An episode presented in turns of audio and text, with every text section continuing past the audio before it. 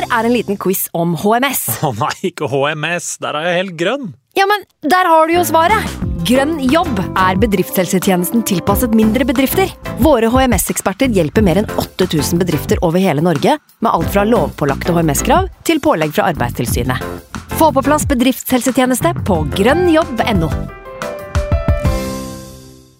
Hallo? Jeg kommer fra Oslo politikammer. Ine Jansen er purk. Er du purk? The motherfucking bitch. Alt jeg vil, er å finne ut hva som skjedde med mannen min. Jon Carew. Er jeg sikta for noe? Iben Akeli. Det er du. Ole So, Lars Berrum og Big Daddy Karsten. Hvem sin side er du på, egentlig? Anette Hoff, Tone Danielsen, Kommer du fra Afrika? Jørnis Josef, Nesten. Kløfta. Trond Espen Seim, Det er synd å si det, men det var feil mann som døde. Purk. Premiere tirsdag på TV2 Play. I can't believe it. Football, bloody hell.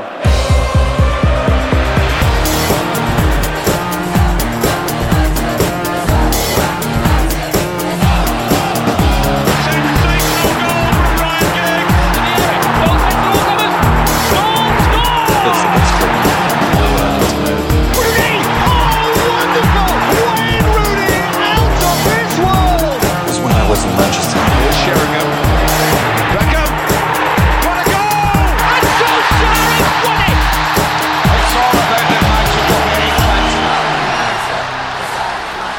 Velkommen til United We Podcast. Manchester United klare for Europaligafinale. Idet jeg har invitert eh, United NO-redaktør Dag Langerød. Velkommen.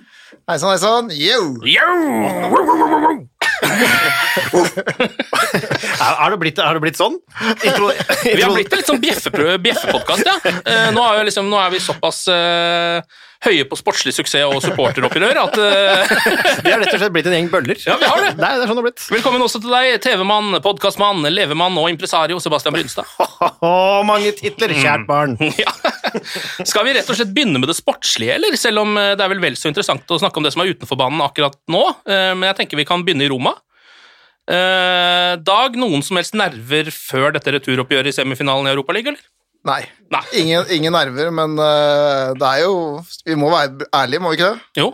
Og dette var kanskje noe av det mest skuffende og dårligste jeg har sett hele sesongen. Mm. Sjokkerende Ja. at vi klarer å levere dette her på stillingen 6-2. Det er akkurat som du kommer ut til andreomgangen på 6-2, Mm. og så klarer du liksom ikke å spille av dette her. Og det, så er det sikkert øh, Vi skal spille fire kamper på sju dager, det mentale var sikkert ikke på plass og alt sånne ting, men Nei, det var, det var, langt under paret, og dette var ikke Europaliga-vinner eller Europacup-vinner-nivå. Nei. Altså, det åpner jo med Det åpner jo med at Mkhitaryan tar en ball, og så kommer Erik Bailly i 180 km i timen og nikker han i siden. Og det var da jeg skjønte at ah, dette blir en dag.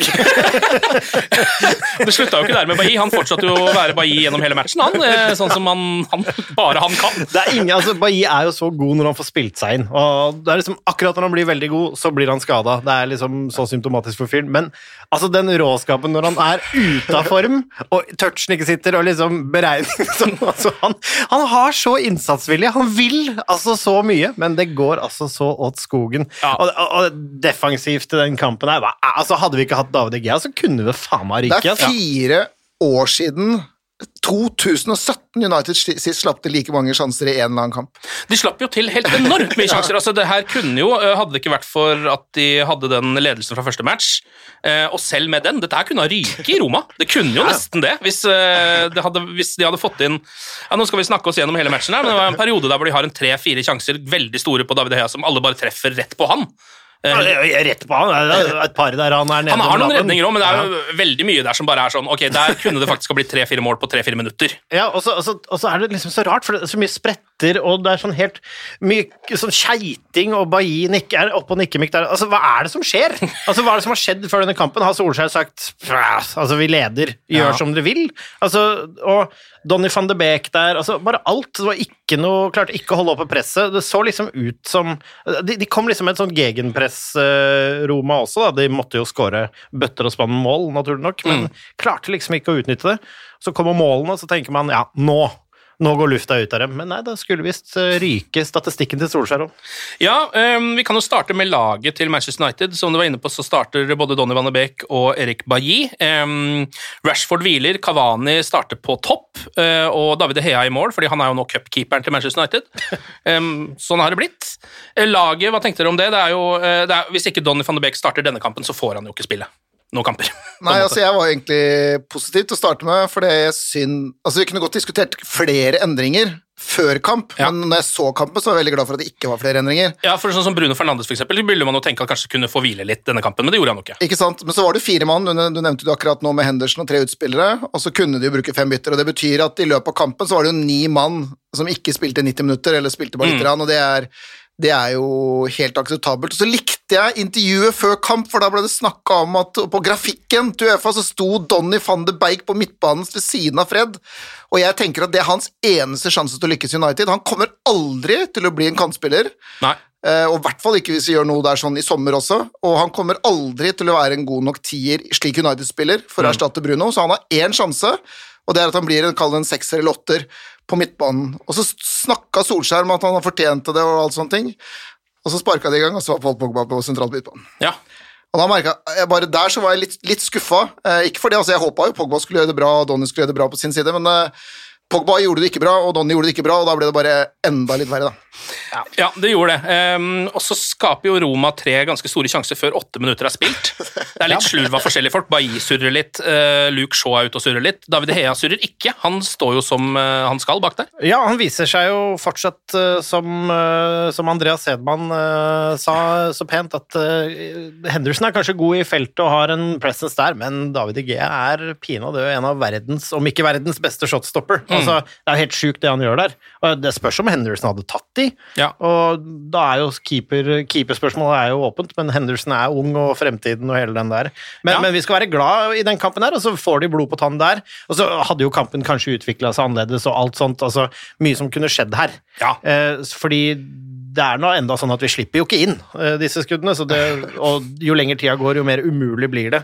Så det er jo ingen krise, men eh, jeg skjønner jo hvorfor Solskjær sa han skulle være glad for å være i finalen i morgen, og ikke Ja, ikke Etter etter rett etter kampen, ja. Og så er det jo et eller annet, De gode laga altså United er et godt lag, men de virkelig gode laga de dreper jo de kampene der. Jeg snakka jo med han Øyvind Eide, som av og til har vært her også på podkasten, før kampen. Han snakka om fire kamper på sju dager. Hvis du noen gang er i posisjon nå til å bare liksom drepe disse kampene, så gjør du det. Og det var jo ikke nærheten av. Nei. Man men, men, men, men er kampen altså, Man er jo på en måte det. altså Når når 2-2 kommer der, altså, når, altså det første målet til United, det andre målet, så er jo kampen død i Ja, praksis. hadde det blitt 3-1 minuttet etter at de har skåra opp to mål på tre minutter, så, Ja, ja, kanskje, blitt, kanskje. så hadde, da, da tror jeg noen av oss hadde begynt å lure litt. Ja, og i hvert fall sånn som Manchester United spilte da, så kunne det rett ha bare, lett ha bare falt fra hverandre, hele greiene, for det var så porøst, det forsvaret der. Men, men er, er de shaky? Altså det, de har hatt liksom jevnt og trutt spilletid, og da har liksom maskineriet har gått, og så fikk vi, mista vi jo en kamp, så for første gang på lenge så var det plutselig hvile. Kan det liksom ha mista noe momentum der, er, har det, er det noe som er råttent i klubben? Altså, hva, hva er det som Det er har jo skjedd der, liksom? vanskelig å si, men, men man må jo kunne skylde litt på Erik Bailly her. Altså, fordi Vi har jo sett denne Vi har jo sett den forsvarsfireren her før, og det eneste som er forskjellen, er at Bailly ikke er der, og Lindeløf er der isteden. Og det har gått betraktelig mye bedre. Til og med Maguire sleit jo kraftig mot Roma, sammen med Bailly i midten der. Og så er det jo, må du jo også ta med, sånn som United spiller, så er det jo to mann på midtbanen sentralt som normalt skal beskytte den bakre fireren, og nå, En var, de det Mm. og nå var en av de Pogba istedenfor Scott McTomney og Fred. Og det har vi jo sett første halvår spesielt, hvor vi sleit med balansen. Ja. Hvor vi ikke var klare for den sesongen her, så det er nok flere sammenhengende årsaker, men jeg tror også du må gå på det mentale, for det selv når, hvis Pogba da, ikke er 100% men 85% de beste spillerne detter 10-15% liksom, og du har inne noen andre erstattere, så tror jeg fort at det er det som du på en måte ser konsekvensene av. Men jeg tror, og føler meg ganske trygg på, at når vi spiller mot Aston Villa på søndag, så er vi tilbake og et godt lag igjen, og antakeligvis så vinner vi der igjen. da. Og så kan du også se, hvis du da, i den kampen, så skal jeg følge godt med hvis Bailly sitter på tribunen eller benken, for jeg tipper at han har et uh, Mkhitaryan-avtrykk i ansiktet etter en match. ja. Eh, United får sin største sjanse etter eh, 19 minutter. Cavani lobber den over keeper, lander opp på tverrliggeren. Um, han hadde jo generelt en ganske bra match, Edison Cavani. Altså. Um, jeg synes han har vært overraskende bra for Manchester United, må jeg si. Eh, var jo kritisk da han kom, mye pga. alder, hadde ikke spilt fast for PSG osv. forståelig nok, men eh, han leverer jo over forventning i denne sesongen, er det ikke denne? Altså, jeg, jeg mener at det ikke er noen tvil om at vi må gjøre alt vi kan for å få han til å bli et år til. Mm. Altså, Han har rutine, han deler av seg helt sikkert med unge spillere og er en ressurs der. Han har bravuren, og jeg syns han har vært strålende uh, på spissplass når han uh, har spilt, og spiller seg mer og mer i form, virker det som. Og tenk, altså, han skadefri en sesong, han kan jo være langt der oppe blant skårerne, han. Jeg var jo en av de som ikke var skeptisk, da. Uh, og det er veldig, nå, det er veldig så fint, det er sånn tweet som du gjerne har pinned on top, da. Fordi hadde jo, vi hadde jo Wisecout-systemet som gjør at du kan gå inn og se alle kamper som en spiller har gjort, og Cavani hadde jo ikke spilt så mye for PSG, så jeg så alt det han gjorde for PSG. Eh, og jeg var ikke noe tvil om at dette var fortsatt en veldig god spiller, men det handla jo om skadehistorikken. Ja. Uh, og så kom hun jo litt seint, altså, i et, uh, på klokskapens tid så skulle han jo på en måte vært tidligere. Altså, men dette her blir jo alle vet, alle, alle vet jo at dette skjedde på slutten pga. at Ja. de ikke fikk tak i alt det andre de ville ha. da. Så da virker du litt panisk. Det er vel det som gjør at folk blir litt skeptiske også. Men han var en god spiller i PSG før han ikke ble brukt der, og før han på en måte ble, fikk en skade der. sånn, Og jeg syns du har sett når han på en måte har vært på stort sett i United, at han har vært god for oss også. Så må jeg bare legge til til slutt, eh, du spør Sebastian her, at eh, han har fortalt Manchester United nå at han kommer til å bli et år til. Eh, det, det ble meldt av ISBN-journalistene forrige uke, og da sjekka jeg også med mine kilder i Manchester, og de bare bekrefta det der. Så han har sagt det til Manchester United. Men for alt jeg vet, så kan hende han ombestemmer seg før han skriver under på kontrakten. Ja. Men, men, men jeg tror når Kavani sier noe, så fremstår han kanskje som en type som da har tenkt såpass lenge at vet du hva, da blir det sånn. Et ord er bindende, da. Eller på en måte at han er lojal på det, sånne ting. Altså han, eh, det var jo mye snakk om han skulle tilbake til eh, Argentina Ja, Boca. og, eh, Boca ja, og liksom gjøre her, men jeg tror, han, tror ikke han også ser da, at det er liv laga for en sesong til. Nå er han kjent, kjent med ligaen, kommet inn i det, og så få en sommer til liksom med trening. Jeg tror han kan levere harde pakker mm. altså neste år. Jeg leste jo, det var noen som hadde skrevet litt av en bakgrunnsartikkel, og det var sånn at nå altså Rett før han tok avgjørelsen på å bli videre i United, så hadde han funnet ut at det var en argentinsk Eller en slakter som leverte like godt kjøtt som du fikk i Argentina eller Sør-Amerika ved siden av Trafford-senteret, og det hadde han ikke hatt muligheten til å finne ut pga. koronaen på ett år. Og det, er sånne, Ja, ja, ja. og det er faktisk så enkelt, tenker jeg, at det er sånne detaljer, da. Vet du hva, hverdagen, mat Alt sammen bare åpner seg litt, så blir livet rett og slett bedre. og da Søramerikanere er jo gærne, etter biff. Altså gærne etter det. Og du, du kan jo tenke deg selv, altså det er mange altså, billettmerk, Angel Di Maria som kommer, kona trives ikke, han trives ikke, og det var når Manchester var åpent! Så kommer liksom Cavani fra liksom Frankrike, PSG, flott mat der, og, og argentinske kjøkken, og rett til liksom bangers and mash. Vi skulle, vi skulle visst den der slakteren til han der Di Maria, så kanskje det hadde vært et håp. Ja, det, det er, så- ser den altså rett fra escargot til bacon batty. Den litt, eh, kan være litt vanskelig, den eh, soggy bacon. Altså, jeg kjøper ostepopen min på Jakob, så det er eneste grunn til at jeg bor på Nordstrand. Eh, Men rundt en halvtime så fortsetter Roma å kjøre ganske mye på her. De, Mkhitaryan har en svær sjanse på hodet. United virker litt sløve, egentlig, og så bommer Roma på nok en sjanse. Det Hea med nok en redning etter sånn 33 minutter. Da ser du han blir forbanna. Da er det sånn, nå er det nok, hva er det dere driver med? Bare begynner å vifte og skrike. Som han jo egentlig er litt sånn kjent for å ikke gjøre så mye. Som keeper. Henderson er mer sånn, hva skal man si, engasjert keeper i anførselstegn enn David Hea, så da, da skjønner man at da er det noe ordentlig gærent i Manchester United. da. Um, Altså, Han er nok hissig i utgangspunktet, og det er nok ikke noe digg følelse for han å se Henderson være førstekeeper, og så når du da får sjansen, så skal du liksom Nå er det min tur, og Ja. jeg skal vise hvor god jeg er. da gidder ikke laget å stille opp, Nei, liksom. nei, ikke sant? Så, så får du 900 skudd. Men han fikk jo definitivt vise seg fram, da. Det skal Ja, jo ja. sies. Kanskje jeg ville ja, Det var ikke jeg som satt børsen på United.no, men personlig så ville jeg kanskje gitt mellom 9 og 10. da. Det er Ja. Nesten optimalt. Kanskje du kan si at noen av de traff han, men altså, hva er det en keeper Han har én oppgave, og det er å være der ballen treffer, så at Ja. ballen ikke går i mål. Så hvis han av og til blir truffet, så er det egentlig jævlig bra, det også. Ja, jeg tror ikke det er så ofte man går ut av en kamp og har sluppet inn eh, såpass mange mål som man jo gjør i denne matchen, men allikevel går ut på en måte i pluss. Eh, Det sier jo litt om hvor mange sjanser han faktisk måtte redde, da, i tillegg til at det ble mål på noen, noen av dem. Ja, og så, og så lurer jeg på med Roma, altså Vi skal være glad for at de etter hver eneste trening og kamp eh, Hva gjør de da? Får de juling av støtteapparatet? For de er jo så skada alle sammen. Altså De falt jo som fluer. Chris Malling der også av. Altså Vi skal være glad for det. Altså Jeg tror at Roma med mindre skadeplager der, da som ikke hadde gått på den trøkken som de gjorde på Old Trafford Du må huske at de ledet der også, Ja. og så falt de av, liksom. Altså Det, det kunne sett annerledes ut, den, det greiene der. Ja, Men noe, noe, er jo, noe er jo uheldig på skader, men så er det jo liksom Jeg liksom ender opp mer og mer der som på veldig mange som sier til meg at eh, alle sånne såkalte eksperter da, og fysiske folk og sånn, det å liksom manage your players sørge for at det ikke er i faren for at du nesten skal få sånne muskelskader og sånn som Chris Smalling som har lagt seg ned flere ganger nå og sånne ting. Ikke sant? det er også en ferdighet. Ja, ja. Og der har United vært ganske gode denne sesongen her, sammenligna med en del andre, selv om vi har hatt et par omganger hvor det har vært litt mer ute å si. Også. Ja, men det har, kan jo huske tilbake både forrige sesong og sesongen før, hvor eh, United sleit betraktelig mer Mm. på skadefronten, så der har det jo skjedd noe. Om det er at spillerne er bedre trent, eller om det er en, eh, også sikkert et snev av flaks og uflaks inni dette her, men allikevel, eh, der har det skjedd noe. Og spesielt da i en sesong hvor det har vært enda tettere kampprogram Ja. enn før. da, At de Mm. har klart det, syns jeg er ganske positivt med tanke på neste sesong igjen. altså. Og også en stor del av det som gjør at United har hatt en god sesong også, er jeg ganske sikker på. Ja, ikke sant? Jeg synes teamet har gjort en, altså Det ryktes at teamet har gjort en såpass god jobb at Owen Hargreaves skal spille mot De har til og med fått han opp på beina igjen, det er ganske bra jobba. Jeg tror United også skal være glad for at det tross eh, alle Roma-sjansene eh, i første omgang er United som tar ledelsen i matchen etter 38 minutter. Fred med en gjennomspilling, Kavani kontant avslutning alene med keeper. Fra sånn ca. 16 han skyter tidlig, knallhardt, rett inn. Da, altså, se, se den avslutningen. Se på Matadoren. Hæ? Ja, altså, det er er, det er noe klasse over det, da. Hele greia der. Nydelig ball igjennom. Hadde chipen som uh, gikk eh, dundas, og tenker nå bare tar jeg ansvar. Og smeller den inn. Altså, det, det er fantastisk. Ja. Og da tenker jeg også at kamp nå, nå detter Roma sammen, tenkte jeg da. Ja. Og så hadde man hatt en like før også, og da traff han også ganske bra. Men da, da gikk han høyt, og han traff jo sånn ballen lå nesten stille i lufta, og gikk høyt. Og så ombestemte han seg på neste, da skyter vi ved siden av, liksom bare knallhardt. Ja. Så fantastisk eh, Nei, det er så deilig å ha en sånn fyr i laget. Og jeg, mot Roma, to mål i første omgang, nei, første kamp, to målgivende første kamp, skal få straffe i første kamp, står for fem av de seks måla, og står for begge de to i går, da. Så har liksom 7-4 i sin interne kamp Ja. mot Roma, da. Ja. Og, de, og dette liksom på, i sensesongen av den gamle kroken. Gi den mannen eh, så lang kontrakt han bare vil.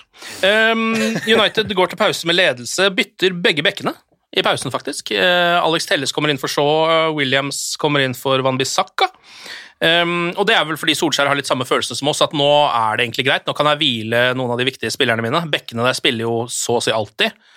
Eh, Så det er jo, virker jo smart, selv om man må vel kunne si at Alex Telles Det var ikke den rare kampen han klarte å levere i andre omgang. der, altså. Nei, det, jeg er ikke imponert. Hva med deg? Du ser der året. Nei, jeg, jeg så jo en del i Porto, da akkurat så gjorde det samme med, med, med, med vår kjære Kavani, men jeg, jeg var jo ikke helt overbevist, men jeg syns han var en annen spiller i Porto, hvor han på en måte var mye mer offensivt innstilt, litt mer sånn, litt mer Luke Shaw, det var, sånn- han var flinkere til å gå framover, jeg ser ikke det samme her. I tillegg så er han jo defensivt Ja. veldig, hva skal jeg si, ja, nå skal jeg være Svak. ja. jeg, jeg lurte på liksom hvor langt jeg skal dra deg på United Podcast, altså hvor, Ja. æ- hvor ærlig vi uttrykker det. Jeg tenker det er lov å være så ærlig man kan. Jeg tror alle så uh, det samme som vi så uh, av Alex Telles der, og det er jo at For det første så har jo Shaw nå tatt den plassen så hardt en plass kan tas. Han har vel også tatt venstrebekkplassen til eh, England, vil jeg tro, sikkert. når det skal spilles et mesterskap snart. Um, mens Alex Telles har jo da hatt den motsatte utviklinga, syns jeg. nesten. I starten så virka det som de to kunne konkurrere litt om den plassen. Nå er det ikke noe tvil om hvem som skal spille der. Men, men kan det ha noe med å gjøre? Altså, han, Shaw har jo, som, som ofte skjer da, når de får en utfordrer, så har jo han bare blitt en av verdens beste venstrebacker. Og da, Han spiller jo ikke noe særlig Telles, og det må jo være en utfordring i seg sjøl, da. Ja. Og så hadde han jo da, men Nå hadde han jo Maguire ved siden av det, er han jo vant til å ha eventuelt, men han hadde jo da etter, i andre omgang to, det var jo tre nye mann i backrekka, Ja. og så hadde han Donny van de Beek foran seg. Eh, Så det var litt andre sammensetninger enn det han kanskje er vant til, selv om Fred var jo der, og Fred eh, snakker jo på en måte samme språk, og de burde kunne klare, å, klare dette her. Men det er jo jeg, jeg aksepterer fortsatt den posisjonen. Luke Shaw spiller 85% og så spiller Alex Telles resten, og så er den, aksepterer han å være på benken, for vi trenger et par sånne spillere. Ja, ja. Og så lenge det er på en måte han som jo har litt av kreden bare ved å være venstreback og blitt kjøpt til klubben for at Luke Shaw har blitt så god, Ja, det- så får det være greit, liksom. Det, vet du hva, det tror jeg han finner mye trøst i. ja, det tror jeg Ja, hvis vi hadde bare fått, sagt, fått vite at vet du hva, hvis dere betaler 15 millioner pund, altså inntil en eller annen government instance, holdt på å si, så blir Luke Shaw verdens beste venstreback. Da hadde vi jo betalt 15 millioner Ja, pund ja, ja, til det, Ja, ja. uten å få Telles tilbake, og vi har jo da fått, det er jo det vi har fått. Men, men tror du vi klarer altså, Hvor lang er kontrakten hans? Telles, det vet jeg ikke. Nei, vet du? Ja, I hvert fall tre år til, tror jeg. Ja, men ok, men da, da, da er det hyggelig med en brasilianer på benken. Lage litt humør og kose seg med Fred. Og, altså, Fred har jo scoret nå også. Altså, det er, for, en, for en sesong! For en sesong, ja. Eh, Etter 48 minutter så um, hæler Maguire ballen i egen hånd inne i feltet.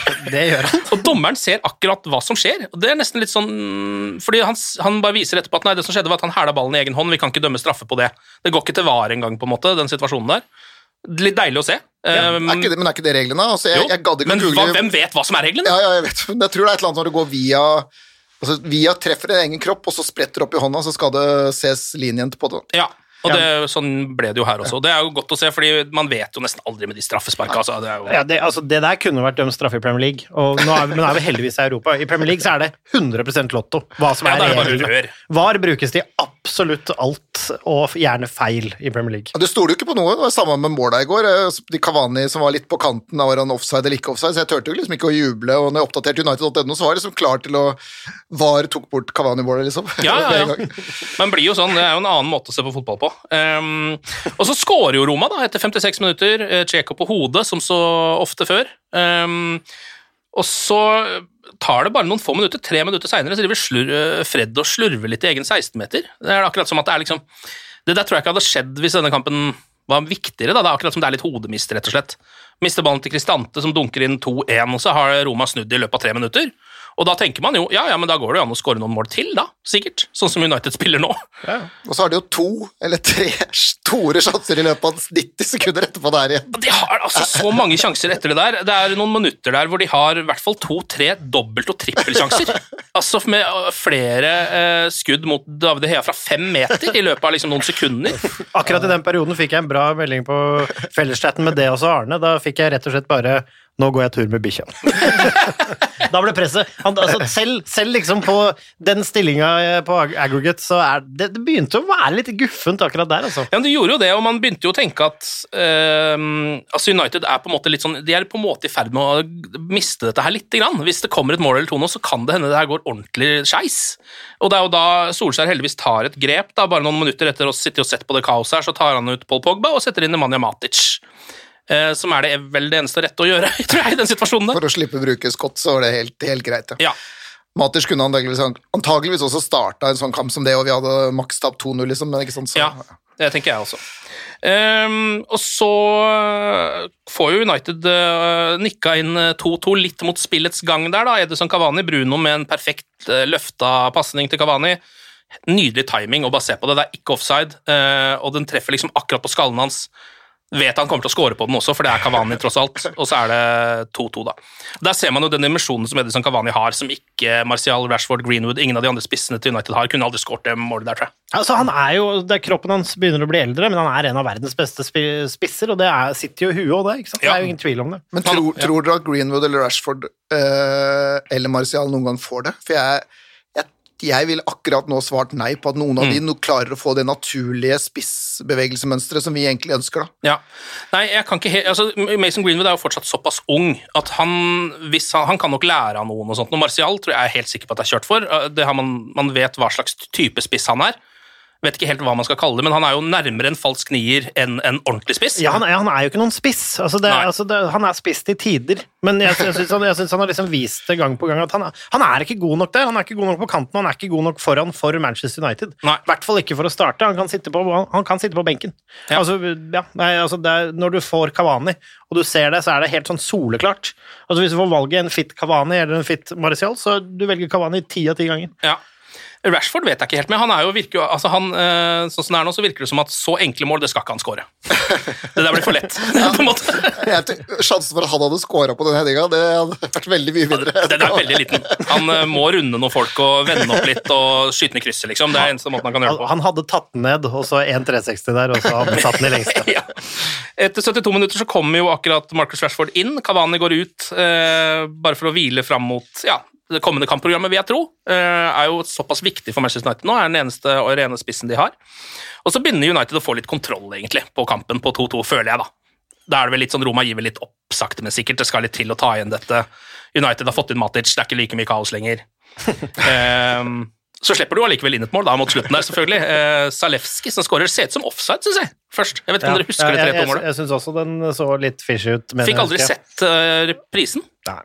Samme. Altså, så, så går den inn, og så ebber det liksom ut. Man, klokka er over. Men jeg, jeg, altså, Solskjær altså, Vi har hatt det der bortestatistikken. Altså, ikke, Solskjær setter klubben først, så jeg tror ikke det, liksom at det er det som er verst. Men det er jo litt surt, da. Mm. At det ryker på en sånn dag. Ja, men nå er det ikke eh, jeg, Det er ikke bortekamper i Europa, da. Det er bortekamper i eh, Oi, har, vi Premier tapt, League. har, vi, har vi tatt bortekamper i Europa i mellomtiden? ja, vi tapte mot Leipzig blant annet i desember. Det er Så- sant, ja det! Så, så- så- statistikken lever! Yes! Hosanna! Statistikken lever, men det er jo et bortetap. Fram til søndag. Fram til søndag. Nei, nei, nei, nei, ikke noe jinxing. Nei, ok, ok, fordi jeg, jeg var helt sikker på at jeg hadde helt glemt Leipzig, men, men det, er jo veldig, det er jo veldig bra, da. Men jeg tror uansett, da, så som eh, Det var også Andreas som har vært gjest her før, som sa, eh, ganske sånn forbanna etterpå, så at det er ikke sånn vi skal framstå. Det sender et signal. Ja. Det gjør et eller annet. Det er et tap. Det, føler, det er et tap i Europa.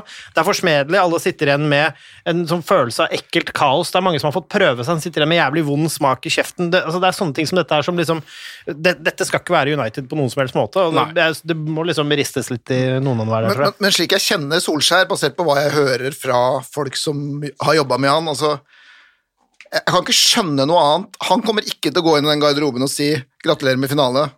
Han kommer til å gå inn i den garderoben og si at dette her, vil jeg tro, er helt uakseptabelt. Ja. For det her handler om å levere på den treninga Det han snakker om, det er liksom sannhet. da. Du skal levere på trening hver dag, og du skal levere på kamp hver dag.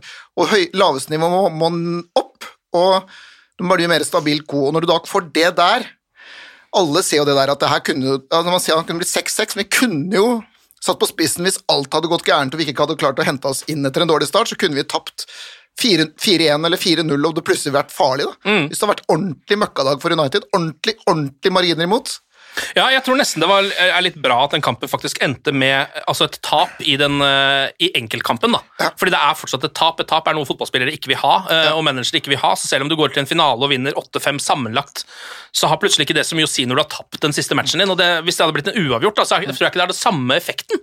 Jeg bare tenker på meg selv, Hvis jeg hadde kommet ut av en uavgjort her, så hadde jeg vært sånn Ja, ja, men vi gikk til finalen. Jeg passer fornøyd med den kampen. Men nå er det sjøl, ikke sant? ja, du lurer deg selv litt. Nå må man være misfornøyd, for det er et tap mot Roma. liksom. Det er ikke bra nok. Nei, og vi møter et bedre lag i finalen. Eh, Ja. mye mer defensivt solid lag, eh, mye, mye bedre organisert, organisert Mm. som kommer til å kreve mye mer. Og altså, Tenk om Martial hadde startet kampen da, i går, så, eller ja, mot Roma. Ja. Da kunne altså, det Eller bare vært Cavani ikke hadde starta, mener du? på en måte? Ja, ja, på en måte. Det er det jeg prøver å si.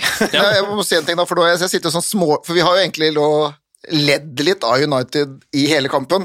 Ja, Men ja. eh, jeg bare så det, dere som har hørt den latteren min i bakgrunnen her når Kendo og Sebastian har snakka, altså, vi er i finalen, altså. Jeg er, Ja, ja, kjempe, ja. jeg er kjempefornøyd med det, men det er, eh, vi var liksom i finalen etter for forrige torsdag. Ja. Ja. Så, så derfor så må vi bare Det er lov til å være litt grann kritisk her, da. Så, Ja. Men herregud, altså Og, og semispøkelse! Ja, ja. Takk og farvel til all drittprat rundt det. Nå er vi i en, vi er i en eh, semi, og hvis man ser på sesongen og det laget United har Det laget som stiller opp der det, altså, Jeg skal ikke jinxe noe, banker i det proverbiale bordet, men, eh, men det lukter jo trofé nå. Ja, og hvis du Altså om fire år, da, hvis vi vinner Europaligaen nå, så kommer vi til å huske 6-2-kampen. Altså, ja. vi kommer, altså kommer kanskje dette være en sånn greie med at ja, vi det var noe surr i Roma, liksom, men det kommer til å være glemt. Så altså, dette her er, betyr i det store sammenhengen antakeligvis ingenting, da, så lenge vi bare, det var en blipp.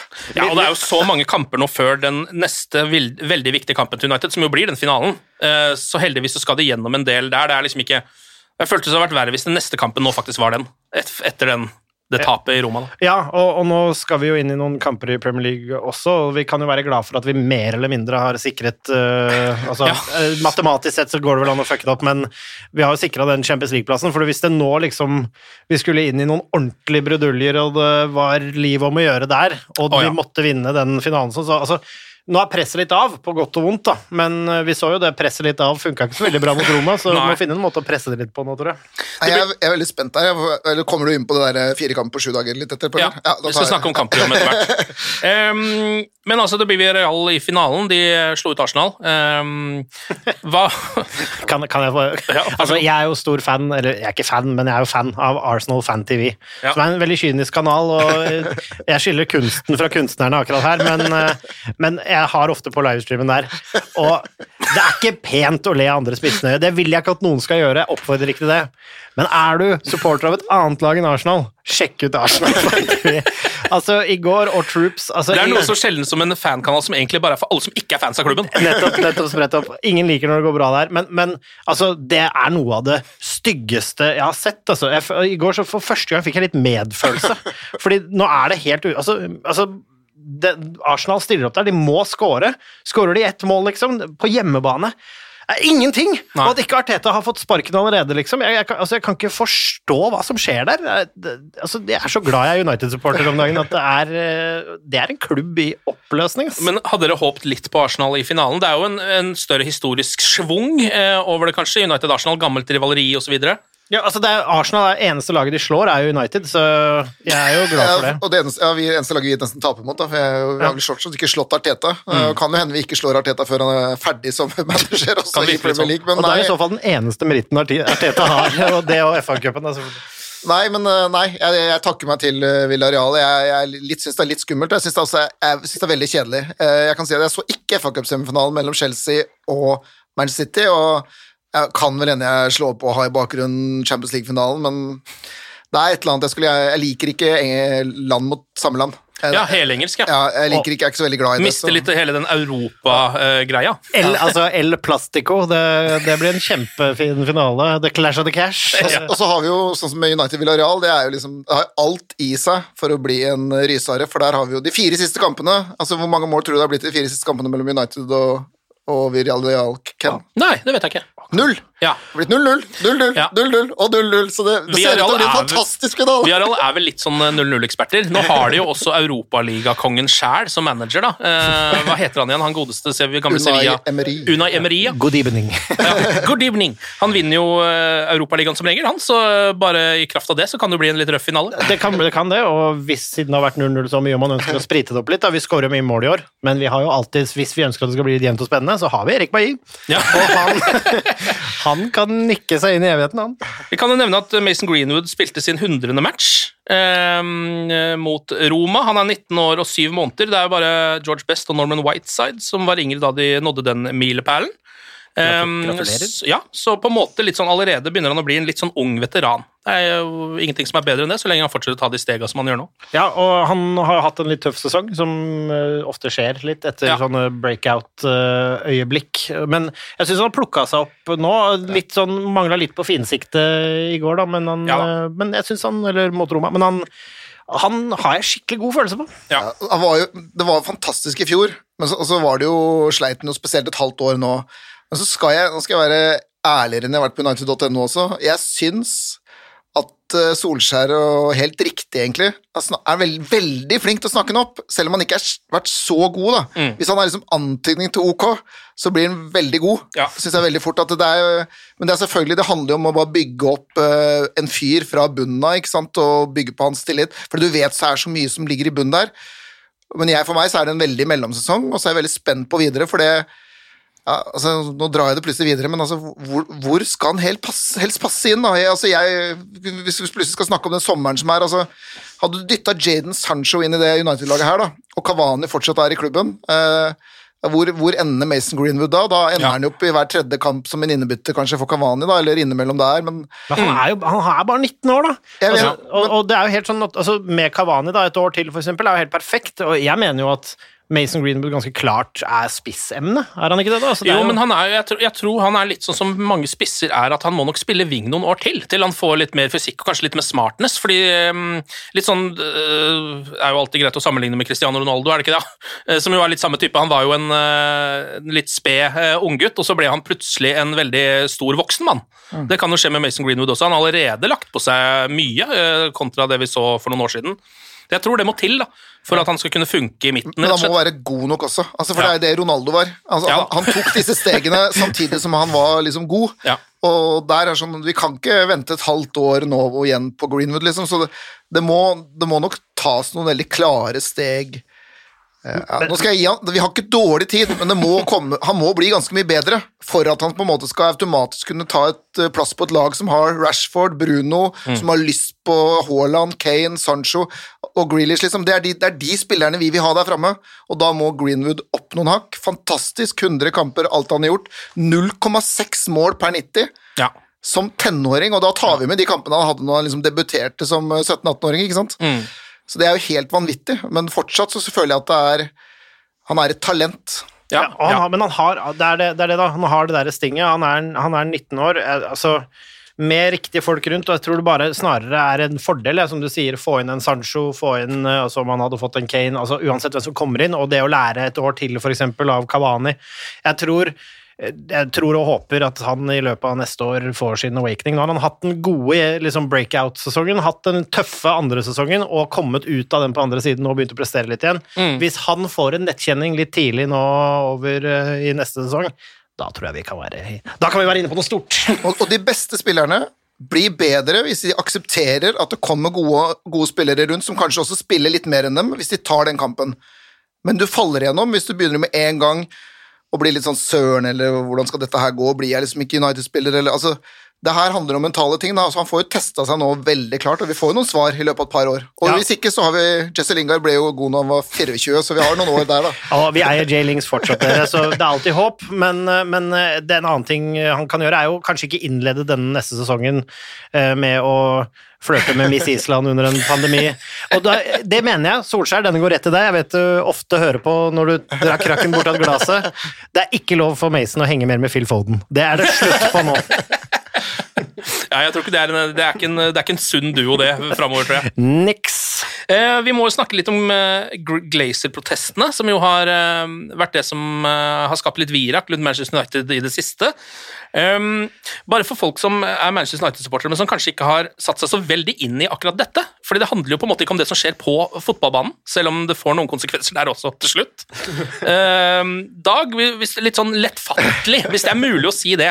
Bakgrunnen for uh, opprøret mot Glazerne. Det er jo 16 år med et eierskap som ikke har spytta en eneste krone inn i United, og påført klubben gjeld som vi har betalt godt over 10 milliarder norske kroner for, altså over 100 millioner, eller hva blir det for noe, 1 milliard pund, da. Eh, og de har også, driver også og tar utbytte og litt sånne ting. De har aldri lytta til fansen. Jeg tror de kom inn i 2005 og snakka om hvor viktig kommunikasjon er, og etterpå det har de hatt sagt én ting en eller annen gang, og så kom de med beklagelse når Superligaen ikke feila.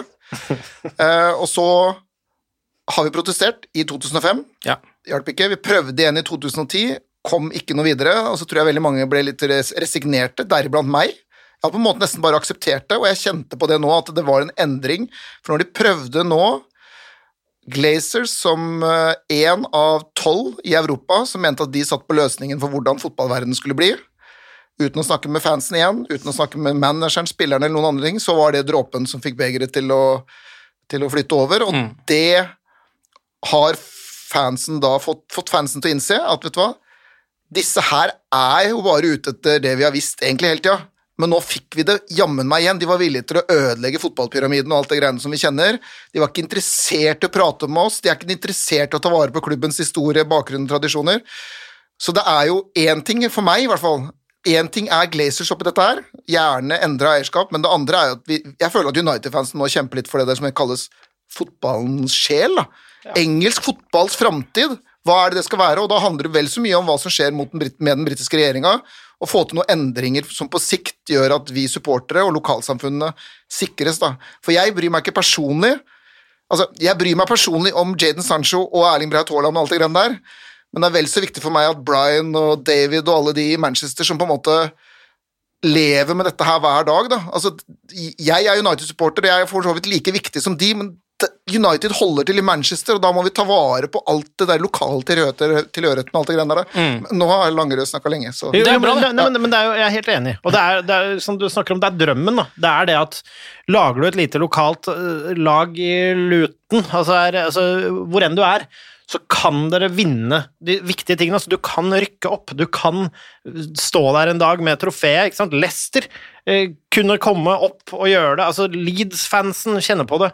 Og det er den derre den, den altså, i, i, I hockeyen, for eksempel, så i USA, som er en samling av veldig mange land, så fungerer den modellen fordi du, har ikke det samme Det er så svært, det er så mye forskjellig. Og, og det fungerer med den franchise-modellen i hockeyen, med draft og hele den pakka der. Alle lagene er der. Og det er deres tradisjon, og det gjør det veldig lett å holde på midlene. Det er fordi det er tufta i kapitalisme i utgangspunktet. For det er amerikansk. Ja, ikke sant? Og, og det er helt fair game, NBA og NHL. Det, det ble startet sånn, og det er sånn, og det er det største, og det er det folk syns det er prestisje å vinne. I England så er det en Det, det, er hundrevis, eh, eller eh, hvor mange år eh, engelsk ligasystem har eksistert, i en av form. Og FA og hele den pakka der. Det er en historie, det er deres historie, og det er altså det er å pisse på kulturarv, ikke sant? Og her har man ikke vært forsiktig med å verne om tingene sine, og da, som du sier, det handler om de som bor der, det handler om tilhørigheten, men det handler om oss også, fordi om vi holder med Altså, vi er ikke noe mer fotballspillere om vi følger tippeligaen. Du har en tilhørighet til byen, men den tiden hvor det bare er spillere fra byen din, den er borte uansett. Ja. Sånn at hvem du heier på, ikke sant? Det, det, er å, det er å pisse de i trynet, rett og slett. Og de sitter på yachten sin, og de mest sannsynlig så merker de ikke noe til det opprøret, men det de, det de kommer til å merke det på, er lommeboka. Så jeg, altså, jeg må bare si at jeg håper at det skjer og skjer og skjer eh, med jevne mellomrom, at de til slutt med Superligaen nå, at de skjønner at dette kuppet klarer vi ikke. Mm. Eh, og da ser de at denne gulroten, eller denne, denne pengesekken, kommer vi ikke til å klare, og da kanskje de trekker seg ut og putter penger i bitcoin, jeg vet da faen. Hva tenker du om måten um, opprøret ble gjort på, da? Altså, um, de, de inntok jo Manchester United sin hjemmebane Old Trafford. Um, midt i en pandemi, hvis man skal se bort fra det, for det syns jeg blir for mange aspekter å ha oppi dette. Så koronaen ja, Drit i koronaen litt, altså det at de bryter noen smittevern Bare Legg det litt bort, for det er en helt annen diskusjon, føler jeg. Men det at de da gjør dette her, går inn der eh, i samla flokk, kommer seg inn eh, Noen eh, spekulerer i om de faktisk eh, var litt sånn at de fikk lov å komme inn litt, fordi folk på innsiden også var litt enig. Det skal vi også legge litt bort, for det vet vi ikke.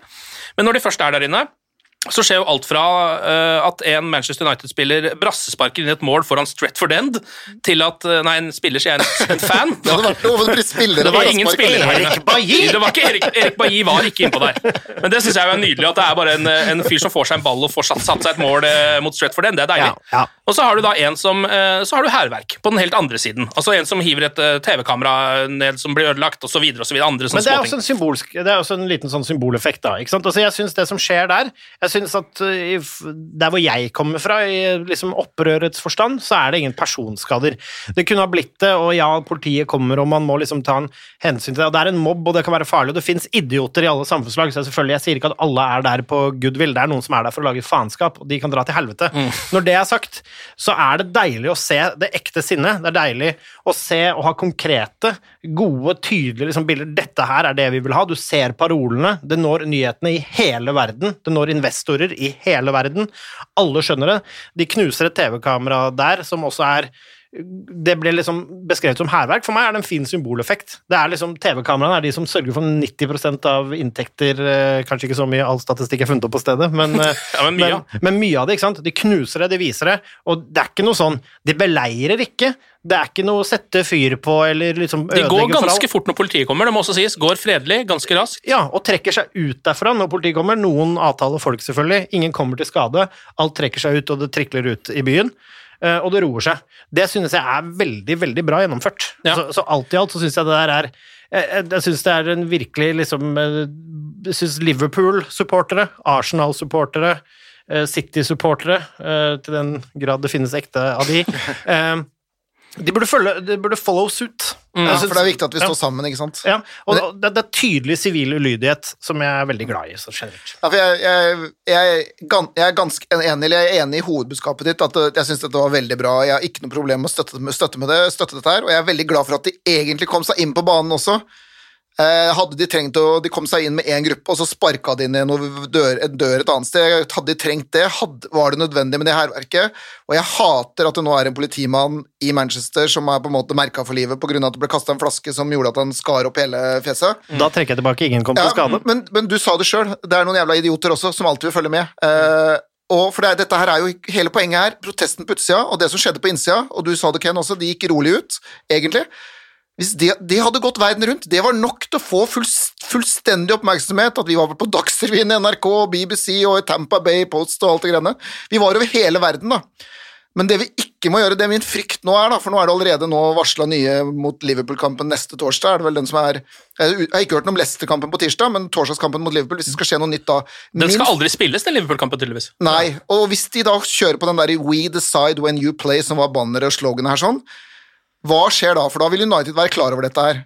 Hvor langt er disse supporterne, eller disse United-fansen som er med her, hvor langt er de villige til å gå? Og ikke minst da, hvor langt er vakter slash politi villige til å gå? For det jeg ikke ønsker, og det mener jeg helt ærlig, dette her kan ikke bli sånn at vi protesterer mot Glazer og eierskap og ender opp med blodige opptøyer mot politi som er satt til å gjøre jobben sin. Da ville jeg på en eller annen måte fått en ekstremt dårlig bismak. da. Ja. Vi må klare å gjøre det på en måte her uten at vi på en måte, vi skal, folk skal bli skada, liksom, da. I altfor stor omfang. Ja, og dette kan jo løses altså, så vidt, altså, Dette kan jo også løses, da. Og, der, og her kommer jo problemet, nå går vi inn i den store demonstrasjonsproblematikken. ikke sant? I forhold til samme som nå demonstrerer mot G8. ikke sant? Hvem er det, hvem er det politiet beskytter her, da? For dette er jo folk, og jeg tror det er en ganske konsensus i England, som du så helt på, opp på regjeringsnivå, at dette er et amerikansk forsøk, eh, og utenlandske penger prøver å kuppe vår, vårt nasjonalprodukt eh, av idrett. Og da må man også si på, hvis de mener at we decide when you play, hvordan det gikk forrige gang når de fikk komme dit. Så, så jeg mener jo at her, at hvis politiet skal slå jernring og si sånn nei, her skal det spille fotball, så dere er ikke velkommen hit, så vil det bli opptøyer. Så her må jo politiet ta avveie, da. Om de rett og slett bare skal si at av sikkerhet så avlyser vi kampen. Det er så og så mange kommer, og når den marsjen kommer, så må de si kampen er avlyst umiddelbart. Og da vil de være fornøyd, og de vil kunne ha markeringen sin, men hvis de prøver å holde igjen og arrangere en fotballkamp der, så blir det opptøyer. Og, og der, der, der må regjering og uh, regjering i form av inn mot politiet kjenne sin besøkelsestid. Det er et tydelig signal når så mange mennesker uh, står bak det. Det er ikke en liten separatistgruppe av United-supportere, og da, da syns jeg også det er liksom Ingen vil ha blodige kamper, men det betyr ikke at den ene siden har noe mer eller har noe, er noe mer obligert til å vike da, fra konflikten. Ja, ja. Nei, men uh, hvis du skal se litt på effekten av dette, da. Jeg tror, jo, uh, jeg tror litt av grunnen til at man til slutt tok til gatene, som jo er liksom uh, det gode, gamle opprørets ånd, da, er jo fordi at de ikke får gått på kampen. For vanligvis så har jo mange av disse protestene også blitt ikke like stor effekt, men forsøksvis eh, blitt vist fram under en kamp. Da, at det er både dette med de gule og grønne skjerfene, som vi har sett eh, mye av, spesielt 2005-2010. Også i forbindelse med opprøret nå var det mye av de fargene der. Eh, og noen bannere, eh, den type ting. Og ikke minst at uh, United-supportere får samla seg og snakka om det. Med en gang alt det blir tatt bort pga. en pandemi, så er jo dette nesten eneste måten å vise uh, misnøyen sin på. Det var Ja. ikke så mange andre måter å gjøre det på. Ja, Før i tida, altså det Green and Gold-opprøret til, altså med, mot Glaciers forrige gang, da betalte de jo penger i overført betydning til Glaciers for å komme inn på stadion og hater Glaciers. Mm, ja. Dette, dette opprøret her, det, altså, det er ingen tvil om at i styrerommene nå, dette diskuteres nesten garantert, og du som har noen tråder inn der, jeg tror, altså, dette må jo føles til hele organisasjonen. Ja, absolutt. Absolutt. Men jeg, jeg, min, også det jeg har hørt, så er det jo ikke Altså, Solskjær vil jo aldri gå ut mot supporterne, men jeg, jeg tror United veldig gjerne, og han og spillerne gjerne skulle spilt den kampen mot Liverpool forrige søndag. Ja. Altså, at, at den dagen hadde endt opp med at det var kamp. Ja. Eh, Det var vel flere av spillerne som vil snakke med supporterne, skjønte jeg, noe de ikke fikk lov til av forståelige grunner. ja, og, Eh, Bruno Matic og noen av de andre lederne ville visst ut og ta en prat. Ja, men det som er spennende nå er jo at det er jo satt en, dette blir jo tatt opp på en fredag, eh, og det er jo en deadline i dag for disse kravene som Must har sendt de Glazers.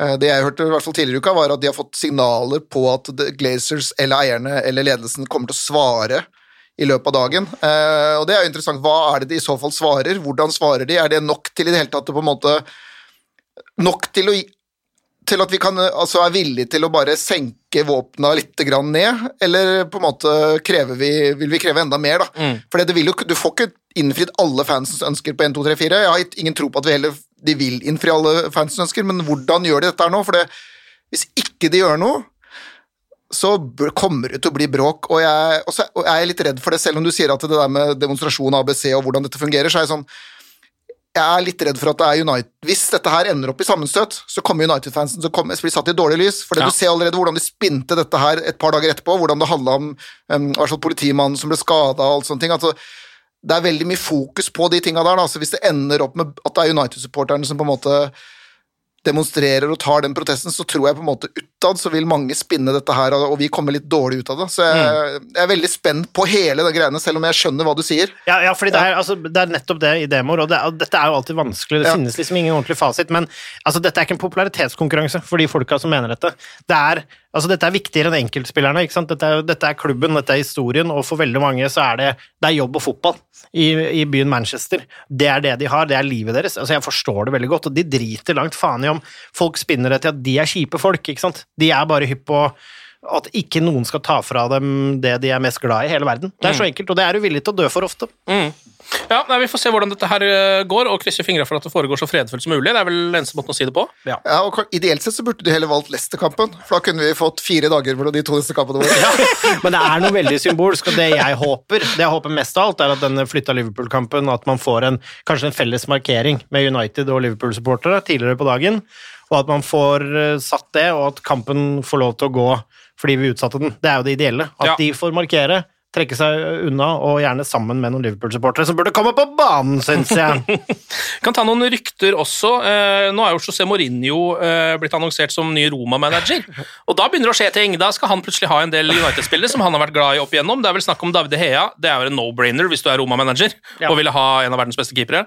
Nemanja Matic det er en no-brainer hvis det er Mourinho, for han elsker Nemanja Matic. Og Juan Mata har også blitt nevnt i noen ryktespalter, så jeg, som en eh, eventuelt Roma-target. Det føles jo ut som altså, Inter, fra, Inter, om igjen. Ja, ja, men bortsett fra DGA, så føles jo både Matic og Mata som to spillere som fortjener å spille mer fotball enn de gjør. Ja. Og det er jo, det kan jo lages en bok nå, altså hvordan vinne Serie A, ABC, det er jo liksom bare Go to Man United, buy Ja. the different players that Ja. are available. Det var jo helt sjukt å se det bildet fra Inter-garderoben da de stakk av med skudettoen eh, i eh, Italia nå. Så var det jo et deilig bilde av alle gutta der. Eh, Der har du Lukaku, der har du Sanchez, der har du Ashley Young og Darmian, og de sitter sammen som en liten sånn Nesten en liten sånn hæ-hæ, Manchester United. Jeg klarer ikke å provosere, la meg provosere deg. Altså, dette er et lag som da gikk ut av Champions League og liksom ikke klarte å kvalifisere seg til Europaligaen, og ikke har spilt i Europa nå på et halvt år. Så vinner de Serie A. Jeg bare tenker da at hvis United hadde vært i Serie A, så hadde vi vunnet med ti poeng foran dem igjen. Da. Ja. Så, jeg, jeg, ja. så jeg klarer ikke helt å provosere meg. Det var jo en lite stikk. Ja, det var det. Nei, men vet du hva, vet du hva? Det er litt sånn altså, Det er litt som uh, hvis Morten Berre skulle pekt nese til Vålinga i dag fordi han har vunnet liksom fjerdedivisjon med Skeid. Jeg bryr meg så midt på leggen. da. Elsker Morten Berre, da, det må jeg jo si. Så det var rart jeg nevnte deg, Morten. Men det eneste man kan trekke, eller som jeg på en måte sitter igjen med som en liten sånn Ah, det er Romelu Lukaku. Eh, fordi Jeg tror fortsatt ikke han hadde passa så godt inn i United. Han hadde vært litt det samme som før, men man ser at det er en mye bedre spiller enn Antony Martial. Og det er det ingen tvil om, burde det ikke være hos noen, og det mente jeg også da han ble solgt. Det var det mange som het. Ja, 100% Lukaku. Jeg tror han kunne ha gjort det sterkt her òg, ja, sånn Og han hadde jo spilt mye, men altså sånn med Kavani og Jeg mener jo at vi må ha høyreving og spiss uh, helst, da, i sommer. så det er Ja. jo ideelt. Men, Men, han kan hjelpe med det, da, for vi har jo ikke fått alle penga for Romelu Lukaku. Så når vi kjøper da, en av disse spillerne du har lyst på i sommer, så er det jo vel vitende om at vi får kanskje 20 eller 30 millioner fra Inter i sommer. da. Så han bidrar egentlig til at drømmen vår går i oppfyllelse. Og den som, dukker, den som har begynt å dukke opp i, i ryktespaltene nå de siste par-tre ukene, er jo Harry Kane. Han vil jo tydeligvis bort fra Tottenham. Er det vel liksom sånn, Man begynner å få en følelse at det faktisk er helt reelt. det tror jeg. Noe det ikke har vært før når Kane har dukka opp, tror jeg, i noen sånne ryktespalter. Tror du ikke det er ganske garra? At han er altså Han er nok veldig glad i Tottenham, når det er sagt, men han begynner vel å lukte på at jeg kommer ikke til å vinne noe i denne klubben. Han må jo snart gå hvis han skal ha, få seg en prime eh, i en bedre klubb, eh, og han er jo en spiller som fortjener det. Han er jo kanskje Englands beste spiller denne sesongen, altså sånn selv om han spiller for et lag som ikke vinner noe. Han, har, han er jo så å si både toppskårer og assistkonge. Ja. Så ja. Jeg stemte jo, Vi er jo medlem av den derre Nei, Football Writers Association. Da kan stemme på, da stemte jeg faktisk med en gang jeg fikk den der greia, så jeg ikke skulle glemme det. Og det var jo da tilbake i april. Da stemte jeg på Harry Kane som årets spiller. Jeg ville ikke stemme på Ruben Diaz i City. Nei. Og så begynte jeg å kikke på Kane, og han har jo scora eller satt seg sist hele veien, egentlig, så lenge han har vært skadefri. da. Hva med Bruno? Jeg syns Bruno har vært litt, litt dårligere en periode Han har det. eh, nå, nå, I april, blant annet, eller mars, fra februar til nå, så har han vært litt sånn dårligere. Han, Det er- men, han, ikke- men, men det er urettferdig, for jeg sammenligner Bruno med utenomjordisk. Ja, og det er sånn, du, du kan fortsatt ikke se på statistikken hans at han har hatt en svak, eh, noen svake måneder, men han Nei, nei. har jo det. Det, ja, har, ja, det er jeg jo for så vidt enig i, men så må vi huske at fyren har Altså, Spilt alt. ja, han har spilt absolutt alt som er, Ja. og han, altså, vi snakker null downtime, eh, så å si, og selv i kamper hvor han er dårlig, så har han gjerne noen moments, og han kan Ja. være instrumental, og i oppbygning eller en liten chip, eller altså alle de tingene der, da, så jeg mener jo at han er en definitiv kandidat, men eh, Harry Kane er ikke noe dårlig forslag, det heller. Jeg kan, Men- jo, kan jo bare legge til på Kane, da, for du hadde jo Fredrik Hviltvedt her forrige uke, og det er jo Altså, det han skrev i Dagbladet, og det som har blitt meldt fra The Athletic, og jeg kan jo si da at eh, Skal jeg bare prøve å fortelle folk bare sånn veldig kjapt hvordan dere må tenke. Eh, hvis noe meldes rundt omkring i verden, Og vi på United.no, hvis du er innom og leser der, eh, vi nevner det bare i ryktespalten på en trelinjers. Så er det ikke, da, da har vi antageligvis ikke hørt noe. Men hvis vi drar ut de ryktene og skriver lange saker om de ryktene, kan det hende at noen har hørt noe som at dette kan være riktig. Det er bare sånn lite tips. Mm. Det, det kalles å lese mellom linjene, på en måte, på Mm. hvordan siden er. Så det er ikke noe tvil om at Harry Kane er antakeligvis tilgjengelig i sommer. Ja. Er det mulig å gjøre en avtale? Det spurte du Fredrik Filtvedt om, og han sa aner ikke. Nei. Så det du sier er at hvis man leser artiklene baklengs på United.no, så får du det reelle? Du får lese på det hvite. Det hvite, okay. Det hvite mellom linjene. Sette negativ på Ja, nettopp. Nå kom det. Nå har det jo vært, Ryktene går vel nå, det er jo sønn som har skrevet om dette, da, men allikevel eh, Jeg følte vi hadde en god diskusjon. Ja, ja. Med en gang du kommer med liksom sånn ja, Les mellom linjene. I, det sønn, ikke les mellom linjene der. Jeg, jeg står det bare Ja, det er ikke mellomrom mellom linjene? Nei, det er ikke mellomrom der. Det er, fakta, det, altså, det er ei faktablekk jeg stoler på. Hva har det sønn sagt nå? De mener da at, uh, at glazerne gjerne vil dempe United-fansens sinne ved å prøve å gå for Kane. Eh, sånn at eh, både supportere og Solskjær blir litt fornøyd. Og så er den summen som dukker opp her, er vel 90 millioner pund for et bud. Det høres veldig lite ut. Ja. Gjør det ikke det? Ja, jeg har Det er ikke noe vits, det, hørt liksom. nærmere 150 i så fall. Det er ikke noe vits å gi 90. Da blir, alle, da blir både jeg eh, og alle andre og Solskjær surere, da.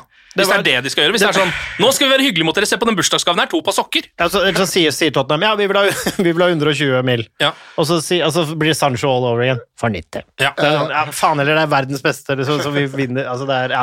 Men vi får se. Det er jo for det første The Sun, og heller ikke skrevet av han som pleier å skrive om United i The Sun, så det er vel ikke så mye å hente fra det ryktet her. Jeg kunne også skrevet en artikkel hvor det er sånn Nå kommer Glaciersene til å gjøre noe for å blidgjøre Manchester United-supportere. Skal kjøpe De skal prøve å få Haaland og Mbappe. men det er av og til de har noe, sånn som de hadde et eller annet på Rooney som aldri har sett verdenslys. Og Rooney har liksom, liksom offentliggjort flere ting nesten via rykter i The Sun som er riktig. da. Så de har et eller annet på Rooney som gjør at han av, altså Hvis Rooney nå blir på sparken i Derby, så leser du det først i The Sun antakeligvis. da. Ah, Ja. ja. Så er, sant, De har noen connections der, og de har betalt litt penger her og der og for å vite informasjon som de bruker til å av og til sitte på det som er riktig. Da. Så du Ja. kan ikke avfeie de 100% men der er møkkablekket sånn totalt sett. Hvis du går i lønningslisten, er det en mystisk Colleen som Ja. mottar mye penger. Så er det Colleen for eh, Ja. Um, ok, nei, men vi får se. Dere vil ha Kane, regner jeg med? Han er, jo, er ikke det et perfekt Manchester United-kjøp, egentlig? Ja, hvis vi beholder Skada mye, men men altså Kane og Cavani og Sancho inn mot neste sesong, da begynner det å lukte fugl. Ja, du tror på begge to. Altså, hvis, hvis, jeg, hvis du må velge én, da, Sebastian. Kane. For jeg er litt den derre 28 år, fyller 28 år i sommer, litt ska, en skada en par måneder i løpet av året. Det høres ut som Robin van Persie da han ble kjøpt. Ja, men du, du glemmer at Havani er 53, da. Ja, og jeg tror Kane, altså Hadde jeg spilt football manager, som jeg av og til gjør, da, så ville jeg nok valgt Harry Carey Kane for å få suksess neste sesong. Men det er et eller annet med at jeg ser for meg Jaden Sancho i den gjengen i kunne også vært veldig bra. Mm. Og hvis vi da hadde fått Sancho nå, så har han sikkert gjort et eller annet med Erling Braut Haaland, og så kommer han neste sommer, og så er vi home free! ja, ja, ja. Altså, jeg liker hvordan du drømmer deg, men eh, hvis, du, altså, hvis, altså, hvis det skjer, så er det jo helt, så er det jo helt nydelig. Men, men så, jeg, jeg føler at høyreving er vi nødt til å gjøre nå. Altså, nå har vi spilt, altså, vi har ikke hatt det igjen på, altså, siden uh, Glaciersene tok over. Ja. Og det er en annen, uh, annen sak, men, men det mener jeg at den må fylles. Men vi ser jo nå at vi kan ikke stole på Kavani til en hel sesong. Han er for gammel til det, han kommer til å ha downtime. Og det vi har bak han, er ikke klart. Vi trenger en tydelig førstelagsspiss som kan ha tre-fire år på kontrakta si. Naile det, naile det inn på papiret. En ledertype. Om enten så må det være en av de purunge supertalentene, sånn type Haaland, eh, Mbappe for den saks skyld, som vi aldri får. men jeg tror liksom, som du sier, van Persie, det har det der suset over seg. Ja. Få inn han der. Det blir ikke noe neste Sanchez, det, altså. Men, men kan jeg ta et veldig veldig lett regnestykke som gjør at jeg liksom har sjøl havna på ikke-Kane? da? Det er fordi jeg tror Kane kan komme til å koste nærmere 150 millioner. Og da tror jeg med en gang at det kommer til å bli veldig vanskelig å få noe annet. Og jeg skulle gjerne hatt to. Og når du kan, kanskje basert på de siste ryktene som du akkurat har vært igjennom, få Jaden Sancho for 85 millioner eh, euro eller sånn, tror jeg, og da er det 75 millioner pund cirka, så vil du fort kunne nesten hente Declan Rice eller et Mm. eller annet sånt i tillegg. I hvert fall med Lingard som mellomlegg. ja, og da har du plutselig, hvis du hadde forsterka midtbanen med Declan Rice, som nesten er litt sånn Fred McDominay 1 og fått Jaden Sancho, så høres det bedre enn bare Harry Kane for meg. Mm. Men selvfølgelig får du både Kane og Sancho, som Sebastian sier, så tar jeg den. Du tar den. Du tar den. Fordi det, det, det er jo det jeg lurer på. Jeg vil også gjerne ha den Declan Rice. Det beste er jo liksom om, om Marcial eller eh, Rashford eller noen av de andre klarer å plukke den spissrollen opp bak Kavani da, som et førstevalg. Men jeg syns det er risky å gå inn en sesong nå hvor vi dytter på en uh, Sancho, i hvert fall ut ifra hvordan klubben formes nå, hvor ikke for mange er i, og hva vi faktisk kan pushe mot nå. da så syns jeg det hadde vært rart å liksom ikke sikre at vi har målskåreren på spydspissen. Altså. Mm. Folk- Men, men høyreving må vi ha også. Så. Og folk er nest, og det, nå er vi liksom fornøyd med andreplassen, og at vi kommer opp på 75 poeng eller et eller annet sånt, og kanskje vinner Europaligaen. Men neste år, altså hvis vi sitter her og er åtte poeng bak City etter ti kamper, eller et eller annet sånt, så er, kommer vi til å være gretne, da. Ja, ja. For det, alle forventer jo den der tripp, trappevise fremgangen. Og da lukter jo at vi trenger en spiss som kan levere. Og Kane og Kavani, begge to trenger å passe litt på kroppen. Vil jo høres jo bra ut som å liksom avlaste hverandre. Altså, men, men City, du vet jo det også, de kommer jo til å kjøpe Altså, de, de får inn fem spillere. De kommer til å kjøpe. Haaland eller Messi, de. De har- Vi får se hvordan det Eller er. Ja, eller Lewandowski. Ja. Altså, du vet det, for nå Aguero takker av, og altså, det som skjer altså, Men de er, de, er, de er ikke det ekte lag, så, så Så det er ikke noe å tenke på. Noe å tenke på. Ok, La oss eh, avslutte med å snakke om det sinnssyke kampprogrammet til Manchester United nå. Eh, nå er det altså Villa borte uh, på søndag.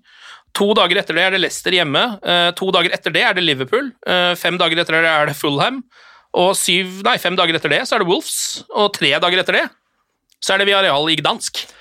Og eh, jeg er så glad at jeg har jobba mye nå, så det blir faktisk en del fri eh, i tiden som kommer nå. Det trenger vi alle. Eh, fordi her kan det hende, og jeg oppfordrer ikke til, noen andre til å gjøre det, men jeg vet ikke om du noen gang har prøvd å drikke noen øl til fotballkamp.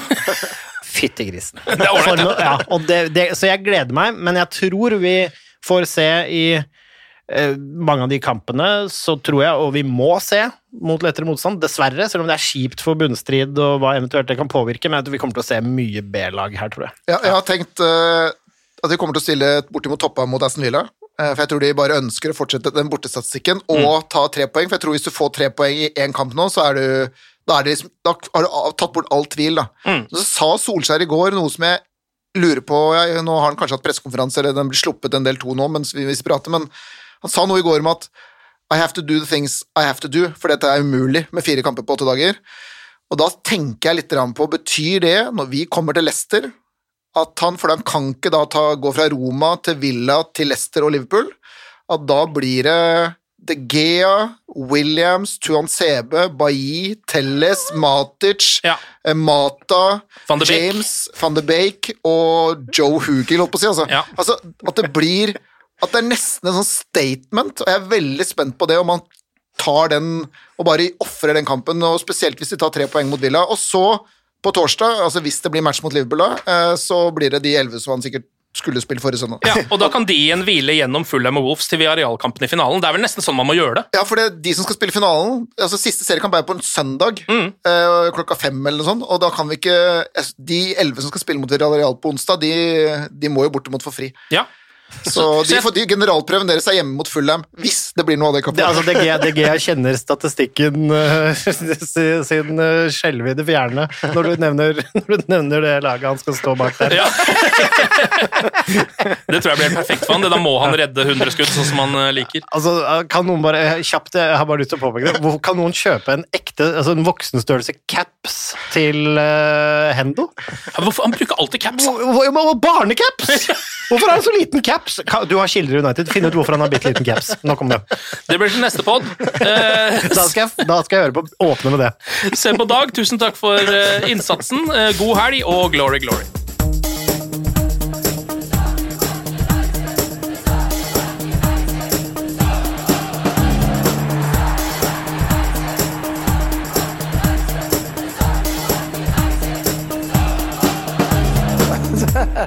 Oh, it's true.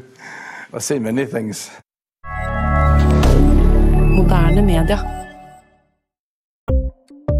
Ukens annonsør det er matkasseleverandøren Hello Fresh. Der kan du velge mellom 25 ulike oppskrifter hver uke, eller få Hello Fresh til å sette sammen en meny for deg.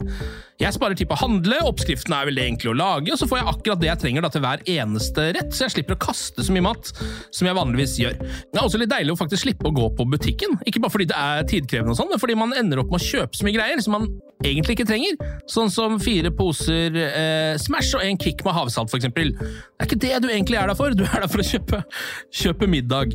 Så det er en veldig eh, kjekk ting. I tillegg så er det jo eh, ferdigporsjonerte ingredienser, det blir mindre matsvinn, og du betaler bare for det du faktisk trenger, og det du faktisk da spiser. I tillegg så blir det da levert på døra eh, til et fastsatt tidspunkt, sånn at du kan få det akkurat når det passer for deg eh, sjæl.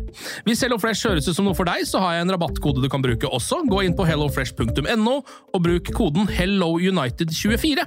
HelloUnited i ett ord, også 24, og få opptil 1779 kroner i rabatt på de fem første matkassene dine hvis du ikke har prøvd Hello Fresh ennå. Du kan også bruke koden hvis du tidligere har vært kunde, men har stoppa abonnementet ditt for tolv måneder siden eller mer. Det er ingen bindingstid, og du kan pause eller avslutte abonnementet ditt akkurat når du selv måtte ønske. Husk koden HelloUnited24, og bon appétit! Ukens annonsør er Folio, en smartere banktjeneste for deg som har en egen bedrift eller ønsker å starte for deg selv. Folio er en superenkel nettbank for bedrifter. Som kunde i Folio får du en bedriftskonto med et bedriftskort og app. I denne appen er det smarte løsninger som forenkler regnskapet ditt, uansett om du har en liten bedrift eller et enkeltpersonsforetak. Folio er både intuitivt og brukervennlig, og er laget med et enkelt språk. I tillegg tilbyr de forutsigbare priser og ingen skjulte gebyrer. Skulle du likevel trenge det, så kan du snakke med deres raske og hyggelige kundeservice, og der får du prate med en faktisk person og ikke en chatbot. Folio er med andre ord både enklere og koseligere enn banken. Over 10 000 bedrifter har allerede valgt Folio som sin banktjeneste, så besøk folio.no og se hvordan Folio kan forenkle din hverdag også. Har du et enkeltpersonforetak eller en liten bedrift? Da er du sikkert lei av å høre meg snakke om hvor enkelt det er med kvitteringer og bilag i fiken, så vi gir oss her, vi. Fordi vi liker enkelt.